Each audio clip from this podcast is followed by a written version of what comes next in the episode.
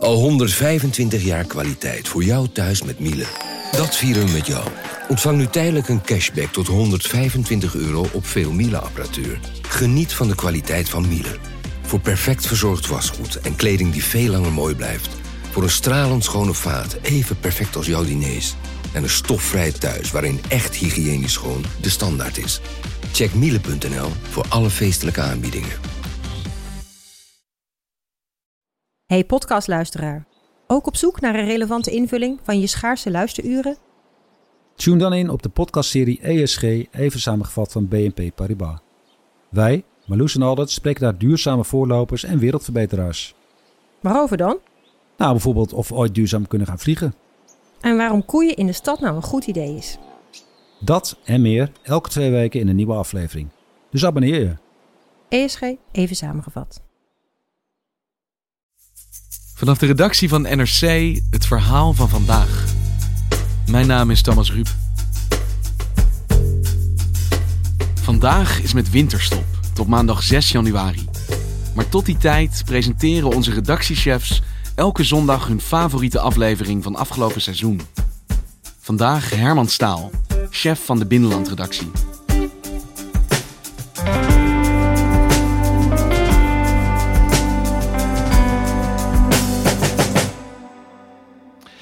Er waren natuurlijk heel veel mooie uitzendingen met heel veel mooie onderwerpen. Maar degene die er voor mij uitsprong uh, ging over de Koranlessen. Dat was een onderzoek naar salafistisch onderwijs, informeel salafistisch onderwijs.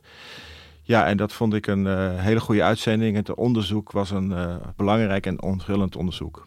Ook de methode die daar gebruikt werd door uh, Andreas Kouwhoven en uh, Milena Holdert van Nieuwsuur was ook vrij uniek. Dit gebeurde iets wat we niet altijd doen als krant, denk ik. Hè? Ja, dat klopt. Ze hebben geprobeerd met open vizier, zoals wij journalisten uh, behoren te werken, aan, aan materiaal te komen, aan lesmateriaal wat die scholen gebruiken. Nou, dat bleek heel moeilijk. Die, die gaven dat niet uit zichzelf. En toen hebben we besloten dat zij zich niet meer als journalist zouden uitgeven, maar als ouders. Ze hebben dus door zich als ouders uit te geven, zijn ze aan lesmateriaal gekomen. En naast nog heel veel ander materiaal hebben ze uh, onthullende stuk geschreven, een onthullende podcast gemaakt. Hey, en wij maken natuurlijk hier één zo'n aflevering en dan gaan wij door naar een volgend onderwerp. Maar jij bent als chef Binnenland, blijf jij betrokken. En wat is nou de nasleep van zo'n productie geweest, van zo'n onthulling? Uh, het bijzondere van dit onderzoek was dat het tot behoorlijke publieke discussie leidde, uh, politieke discussie. Het ging vooral over uh, de vrijheid van onderwijs. Uh, in hoeverre is die vrijheid onbegrensd? Kunnen scholen kinderen leren wat ze willen leren? Mogen kinderen leren dat doodstraf een goede straf is? Dat ze zich van uh, Nederland moeten afkeren? En nou, een van de vragen die nu op tafel ligt bij een debat wat nog moet komen, is of de onderwijsinspectie meer middelen moet kunnen krijgen om bij dit soort informele scholen te kunnen ingrijpen. Maar het belangrijkste is dat iedereen weet, of iedereen kan weten, dat er leerlingen zijn in Nederland die uh, leren zich van de Nederlandse samenleving af te keren. Dat hebben Andreas en Milena Holdert uh, heel goed duidelijk gemaakt. Dankjewel, Herman. Graag gedaan, Thomas.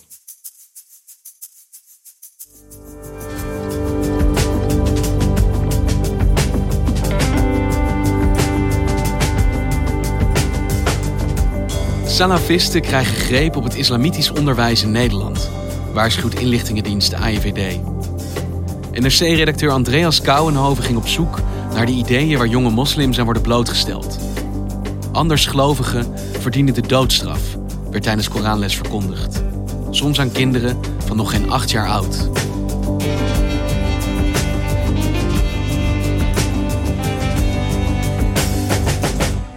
Allah is één en er is geen andere God. Hij heeft geen ouders en hij heeft geen kinderen. Is dat duidelijk, kinderen? Ja! Heeft Allah ouders? Nee! Heeft Allah kinderen? Nee! Allah subhanahu is één. Is Allah tot alles toe in staat? Kan hij doen wat hij wil? Ja! Heeft Allah iedereen en alles geschapen? Ja! Jullie zijn allemaal geslaagd voor deze les. Heel goed, mashallah. Allah.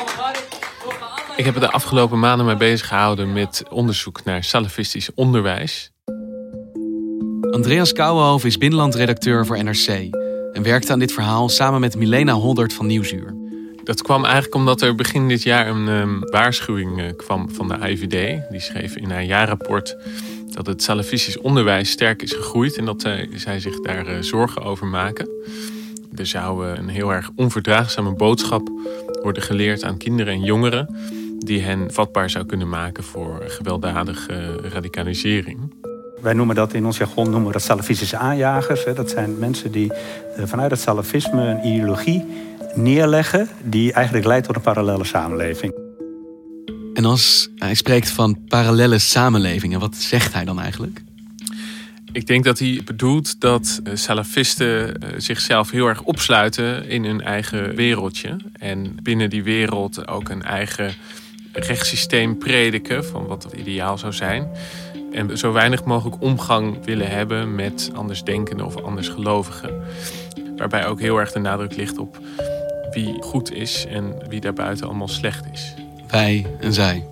Ja, maar verder viel eigenlijk op dat die waarschuwing ook heel algemeen was geformuleerd.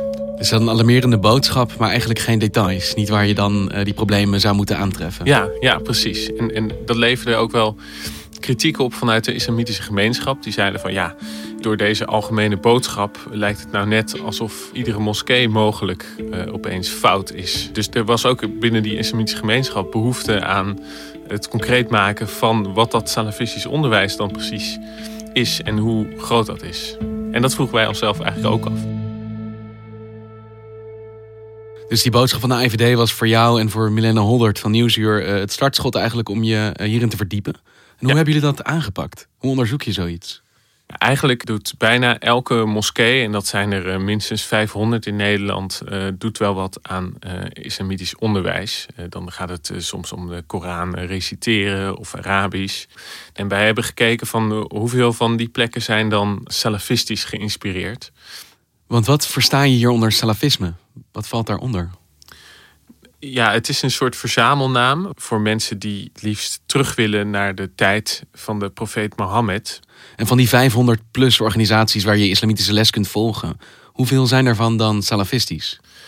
Wij kwamen uit op 50 organisaties die je wel zo zou kunnen kwalificeren. En dat lijkt heel erg beperkt. Maar wat je in ieder geval wel ziet, is dat, dat ze hun PR wel heel goed op orde hebben. En daardoor ook wel heel veel jongeren uh, trekken die naar die lessen komen. Dus ze ontwikkelen allerlei uh, eigen lesmateriaal, uh, vertalen boeken in het Nederlands, ontwikkelen eigen apps. En, en daarmee lopen ze wel echt heel erg voor qua het, ja, de online communicatie, zeg maar.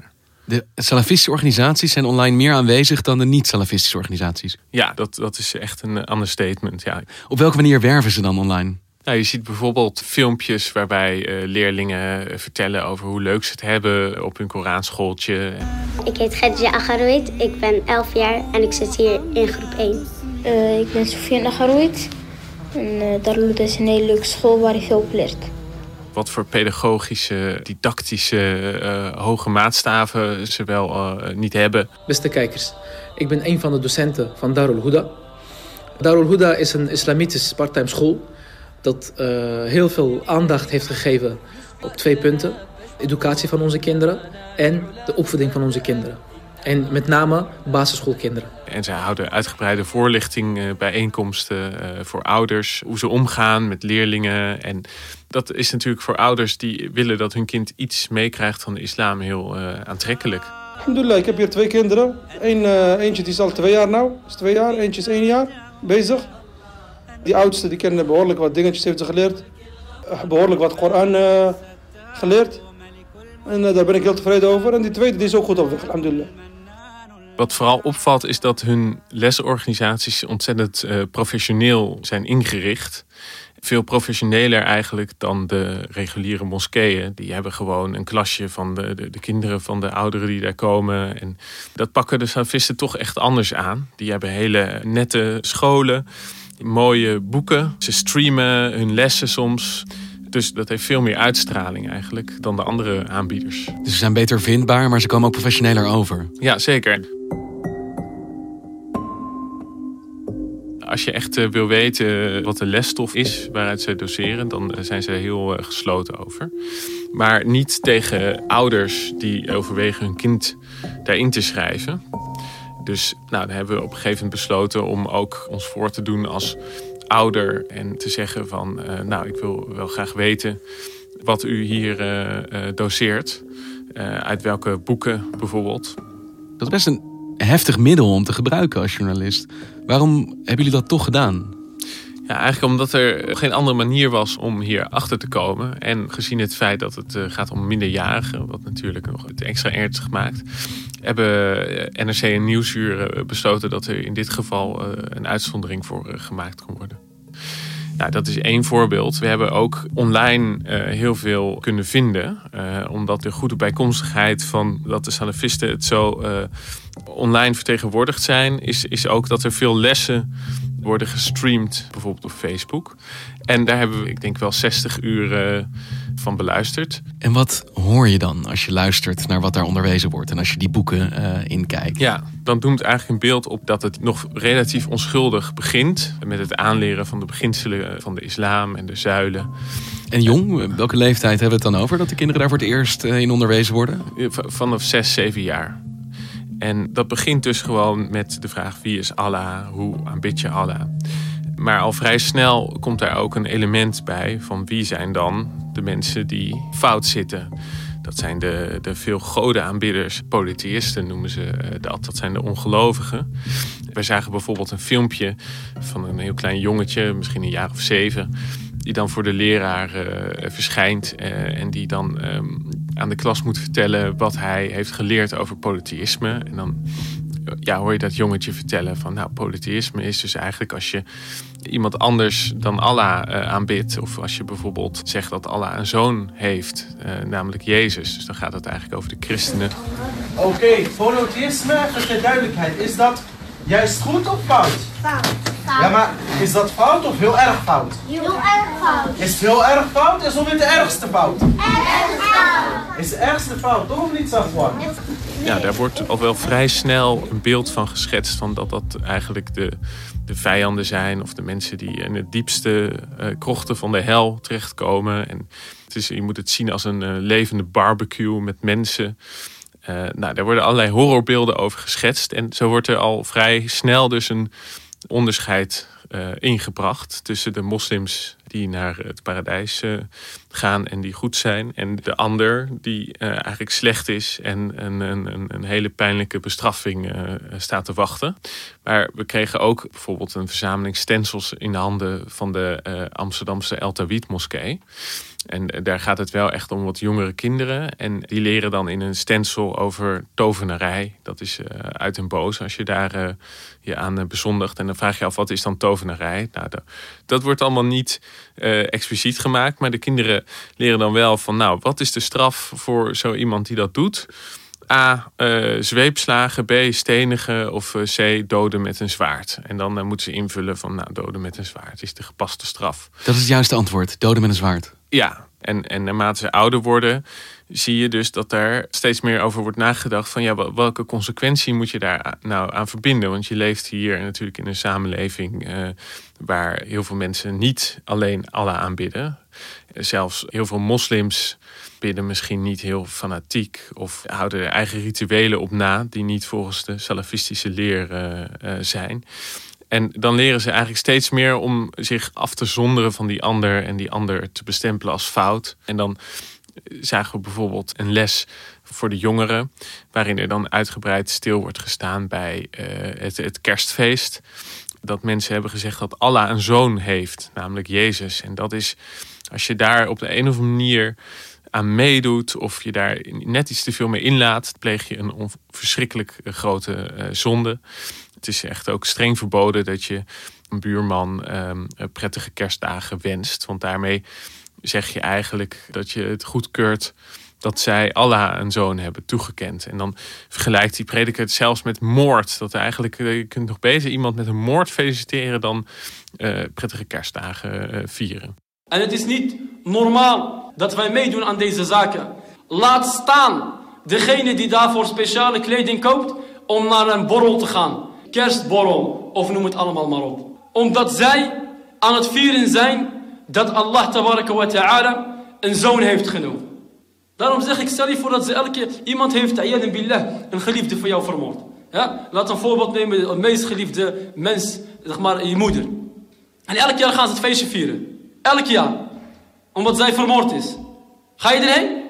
En zo zie je dus dat er heel intolerante, polariserende opvattingen worden verspreid. Waarbij je dan een andere prediker, ook in zo'n jongere les, die zegt dan van ja, we moeten afstand houden tot, tot die ongelovigen. Je, moet, je mag niet van ze houden. Dat is eigenlijk heel logisch. Je houdt toch ook niet van moordenaars. Dus daarmee hè, wordt er dan echt consequenties verbonden aan het feit dat, dat je hier tussen ongelovigen leeft. Dus je, je moet ze zo ver afstand van houden alsof het dus uh, moordenaars uh, zijn. Het is een verplichting voor elke moslim om een afkeer te hebben van de ongelovigen. Zelfs als het je naaste zijn. Wat overigens niet inhoudt uh, dat je hen onrecht mag aan. Een goede omgang met hen uh, dient altijd te zijn. Maar een afkeer tegen iemand die niet in Allah gelooft, daar dien je als gelovige afkeer van te hebben. Afkeer, wat wordt daar dan precies mee bedoeld? Dat wordt door een groot aantal salafisten uitgelegd als dat je bijvoorbeeld niet te innig moet omgaan met de ongelovigen. Je moet je daar afzijdig van houden, van distancieren, geen vrienden mee worden. Om vriendschappen met deze mensen te hebben en etentjes en voetbalwedstrijden en et cetera. Dit is niet de bedoeling, Barakallahu Want dit zijn de manieren waarop zij, je staat verbaasd over hoe geniepig deze zaken binnenkomen. Ze hameren er bijvoorbeeld op dat je niet onder de zonde mag begeven. Dus als je bijvoorbeeld in een supermarkt gaat werken, dan um, ja, ligt daar alcohol in de schappen. En daarvan zeggen ze dan, nou dat mag al niet. En als je um, in een shawarma tent wil werken, dan moet je ook in de ramadan mensen broodjes uh, serveren. En dat mag eigenlijk ook niet. Want dan, en zo beperk je natuurlijk ontzettend qua het aantal banen wat je zou kunnen aannemen. Handen schudden of mensen aanraken. Nou, dat is al in de zorg een heel groot probleem. Dus zo um, wordt dat natuurlijk wel heel erg lastig als je dan nog wil participeren in de Nederlandse samenleving. Beste broeder en zuster, het is meer gericht naar de zusters. Omdat ik het wil hebben over de kleding die een moslima hoort te dragen. Kijk je naar haar kleding die ze draagt, dan zie je dat zij een hoofddoekje op heeft en een strakke t-shirtje aan heeft en een strakke broekje eronder aan heeft en naaldhakken, dan is dat helemaal het tegenovergestelde van de correcte islamitische hijab. En binnen de groep, hoe wordt er bijvoorbeeld gezegd dat mannen en vrouwen met elkaar dienen om te gaan? Daar hebben we vergaande voorbeelden van aangetroffen, waarbij de vrouw echt heel veel grondrechten eigenlijk wordt ontzegd, zou je kunnen zeggen. Dus zij moet naar haar man luisteren, mag eigenlijk het huis niet verlaten zonder toestemming van haar man. Als haar man seks wil, dan moet de vrouw eigenlijk gehoorzamen, ook al heeft ze geen zin. Wat wordt de kinderen ook al verteld? In wat voor bewoordingen gebeurt dat dan? Nou, er wordt letterlijk gezegd, uh, als het moet, dan moet het. En een vrouw heeft alleen uh, een excuus als ze bijvoorbeeld uh, ziek is of ongesteld. Maar ze plaatsen die kinderen en die jongeren dus ook wel in een hele lastige positie. Want tegelijkertijd moeten zij naar school, moeten zij iets maken van hun leven in deze maatschappij. En krijgen ze bij die lessen te horen dat eigenlijk iedereen om hen heen fout bezig is. Ja. En als het echt gaat om jongvolwassenen, dus wat oudere pubers, dan wordt in die lessen gezegd van uh, we moeten hier weg. We moeten naar een islamitisch land. We moeten ons vooral niet wortelen hier in Nederland, want dit is niet ons land. Dit is het land van ongeloof en we moeten naar een islamitisch land. Dit zijn jullie ook tegengekomen? Ja, we hebben tien organisaties heel nadrukkelijk bekeken. En in ongeveer de helft daarvan uh, hoorden we dit soort uh, retoriek. Dat je eigenlijk moet maken dat je wegkomt hier. Het emigreren van de landen van de koffer en de shirk naar de landen van de islam is een verplichting voor iedereen. Maar is ook een kwestie van teruggaan. Want Nederland is niet ons land. Een persoon gaat terug naar zijn islamitisch land. Het is toch een boodschap om voor je kiezen te krijgen, ook als kind. Ja, zeker. Je groeit dan eigenlijk misschien wel op met, met je rug uh, naar de samenleving. Nou ja, het plaatst je hele zijn hier natuurlijk een soort twijfelachtig licht. Van wat heeft het voor zin om hier iets op te bouwen, om uh, hier je leven vorm te geven, als het eigenlijk de bedoeling is dat je hier niet bent. Ja, dat is denk ik precies waarom dit zo'n uh, problematische boodschap is.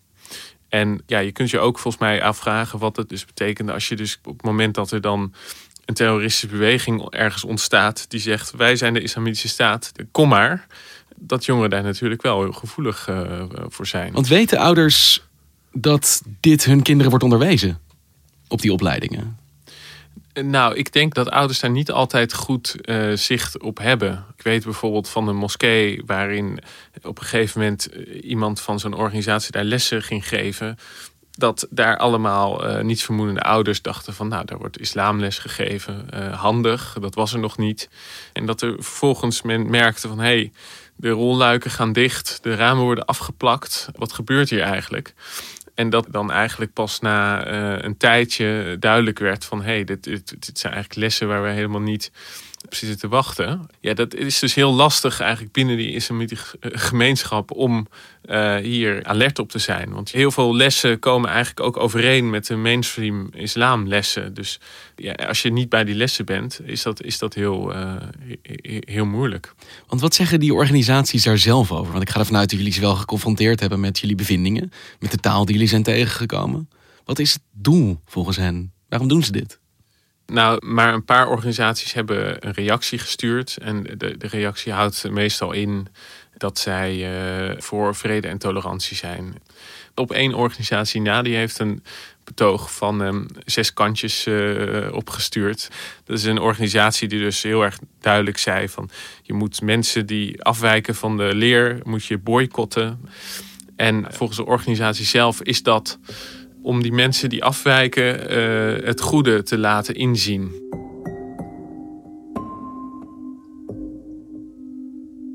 Is die waarschuwing die de IVD uitstuurde uh, terecht geweest, denk je, als je nu uh, op een rijtje zet dat jullie zijn tegengekomen? Ja, ik denk dat als je kinderen van jongs af aan leert dat de, de ander gezien moet worden als vijand of de ander als fundamenteel slecht dat dat uh, absoluut geen remmende werking zal hebben op radicalisering. Sterker nog, ik denk dat dat uh, een vruchtbare bodem is voor jongeren om te zeggen van deze samenleving deugt niet en uh, ik moet daar iets tegen doen.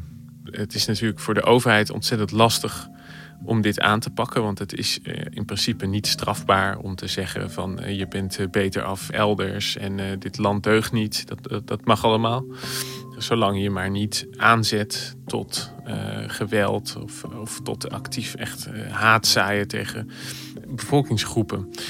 Daarom pleiten sommige andere mensen ook voor om de onderwijsinspectie de bevoegdheid te geven om ook buiten scholen te kunnen ingrijpen. Maar voordat dat uh, eenmaal bediscussieerd is, of dat wel of niet kan, zijn we denk ik alweer heel wat jaren verder. Dankjewel, Andreas. Geen dank. Je luisterde naar vandaag, een podcast van NRC. Eén verhaal, elke dag. Dit was vandaag, morgen weer.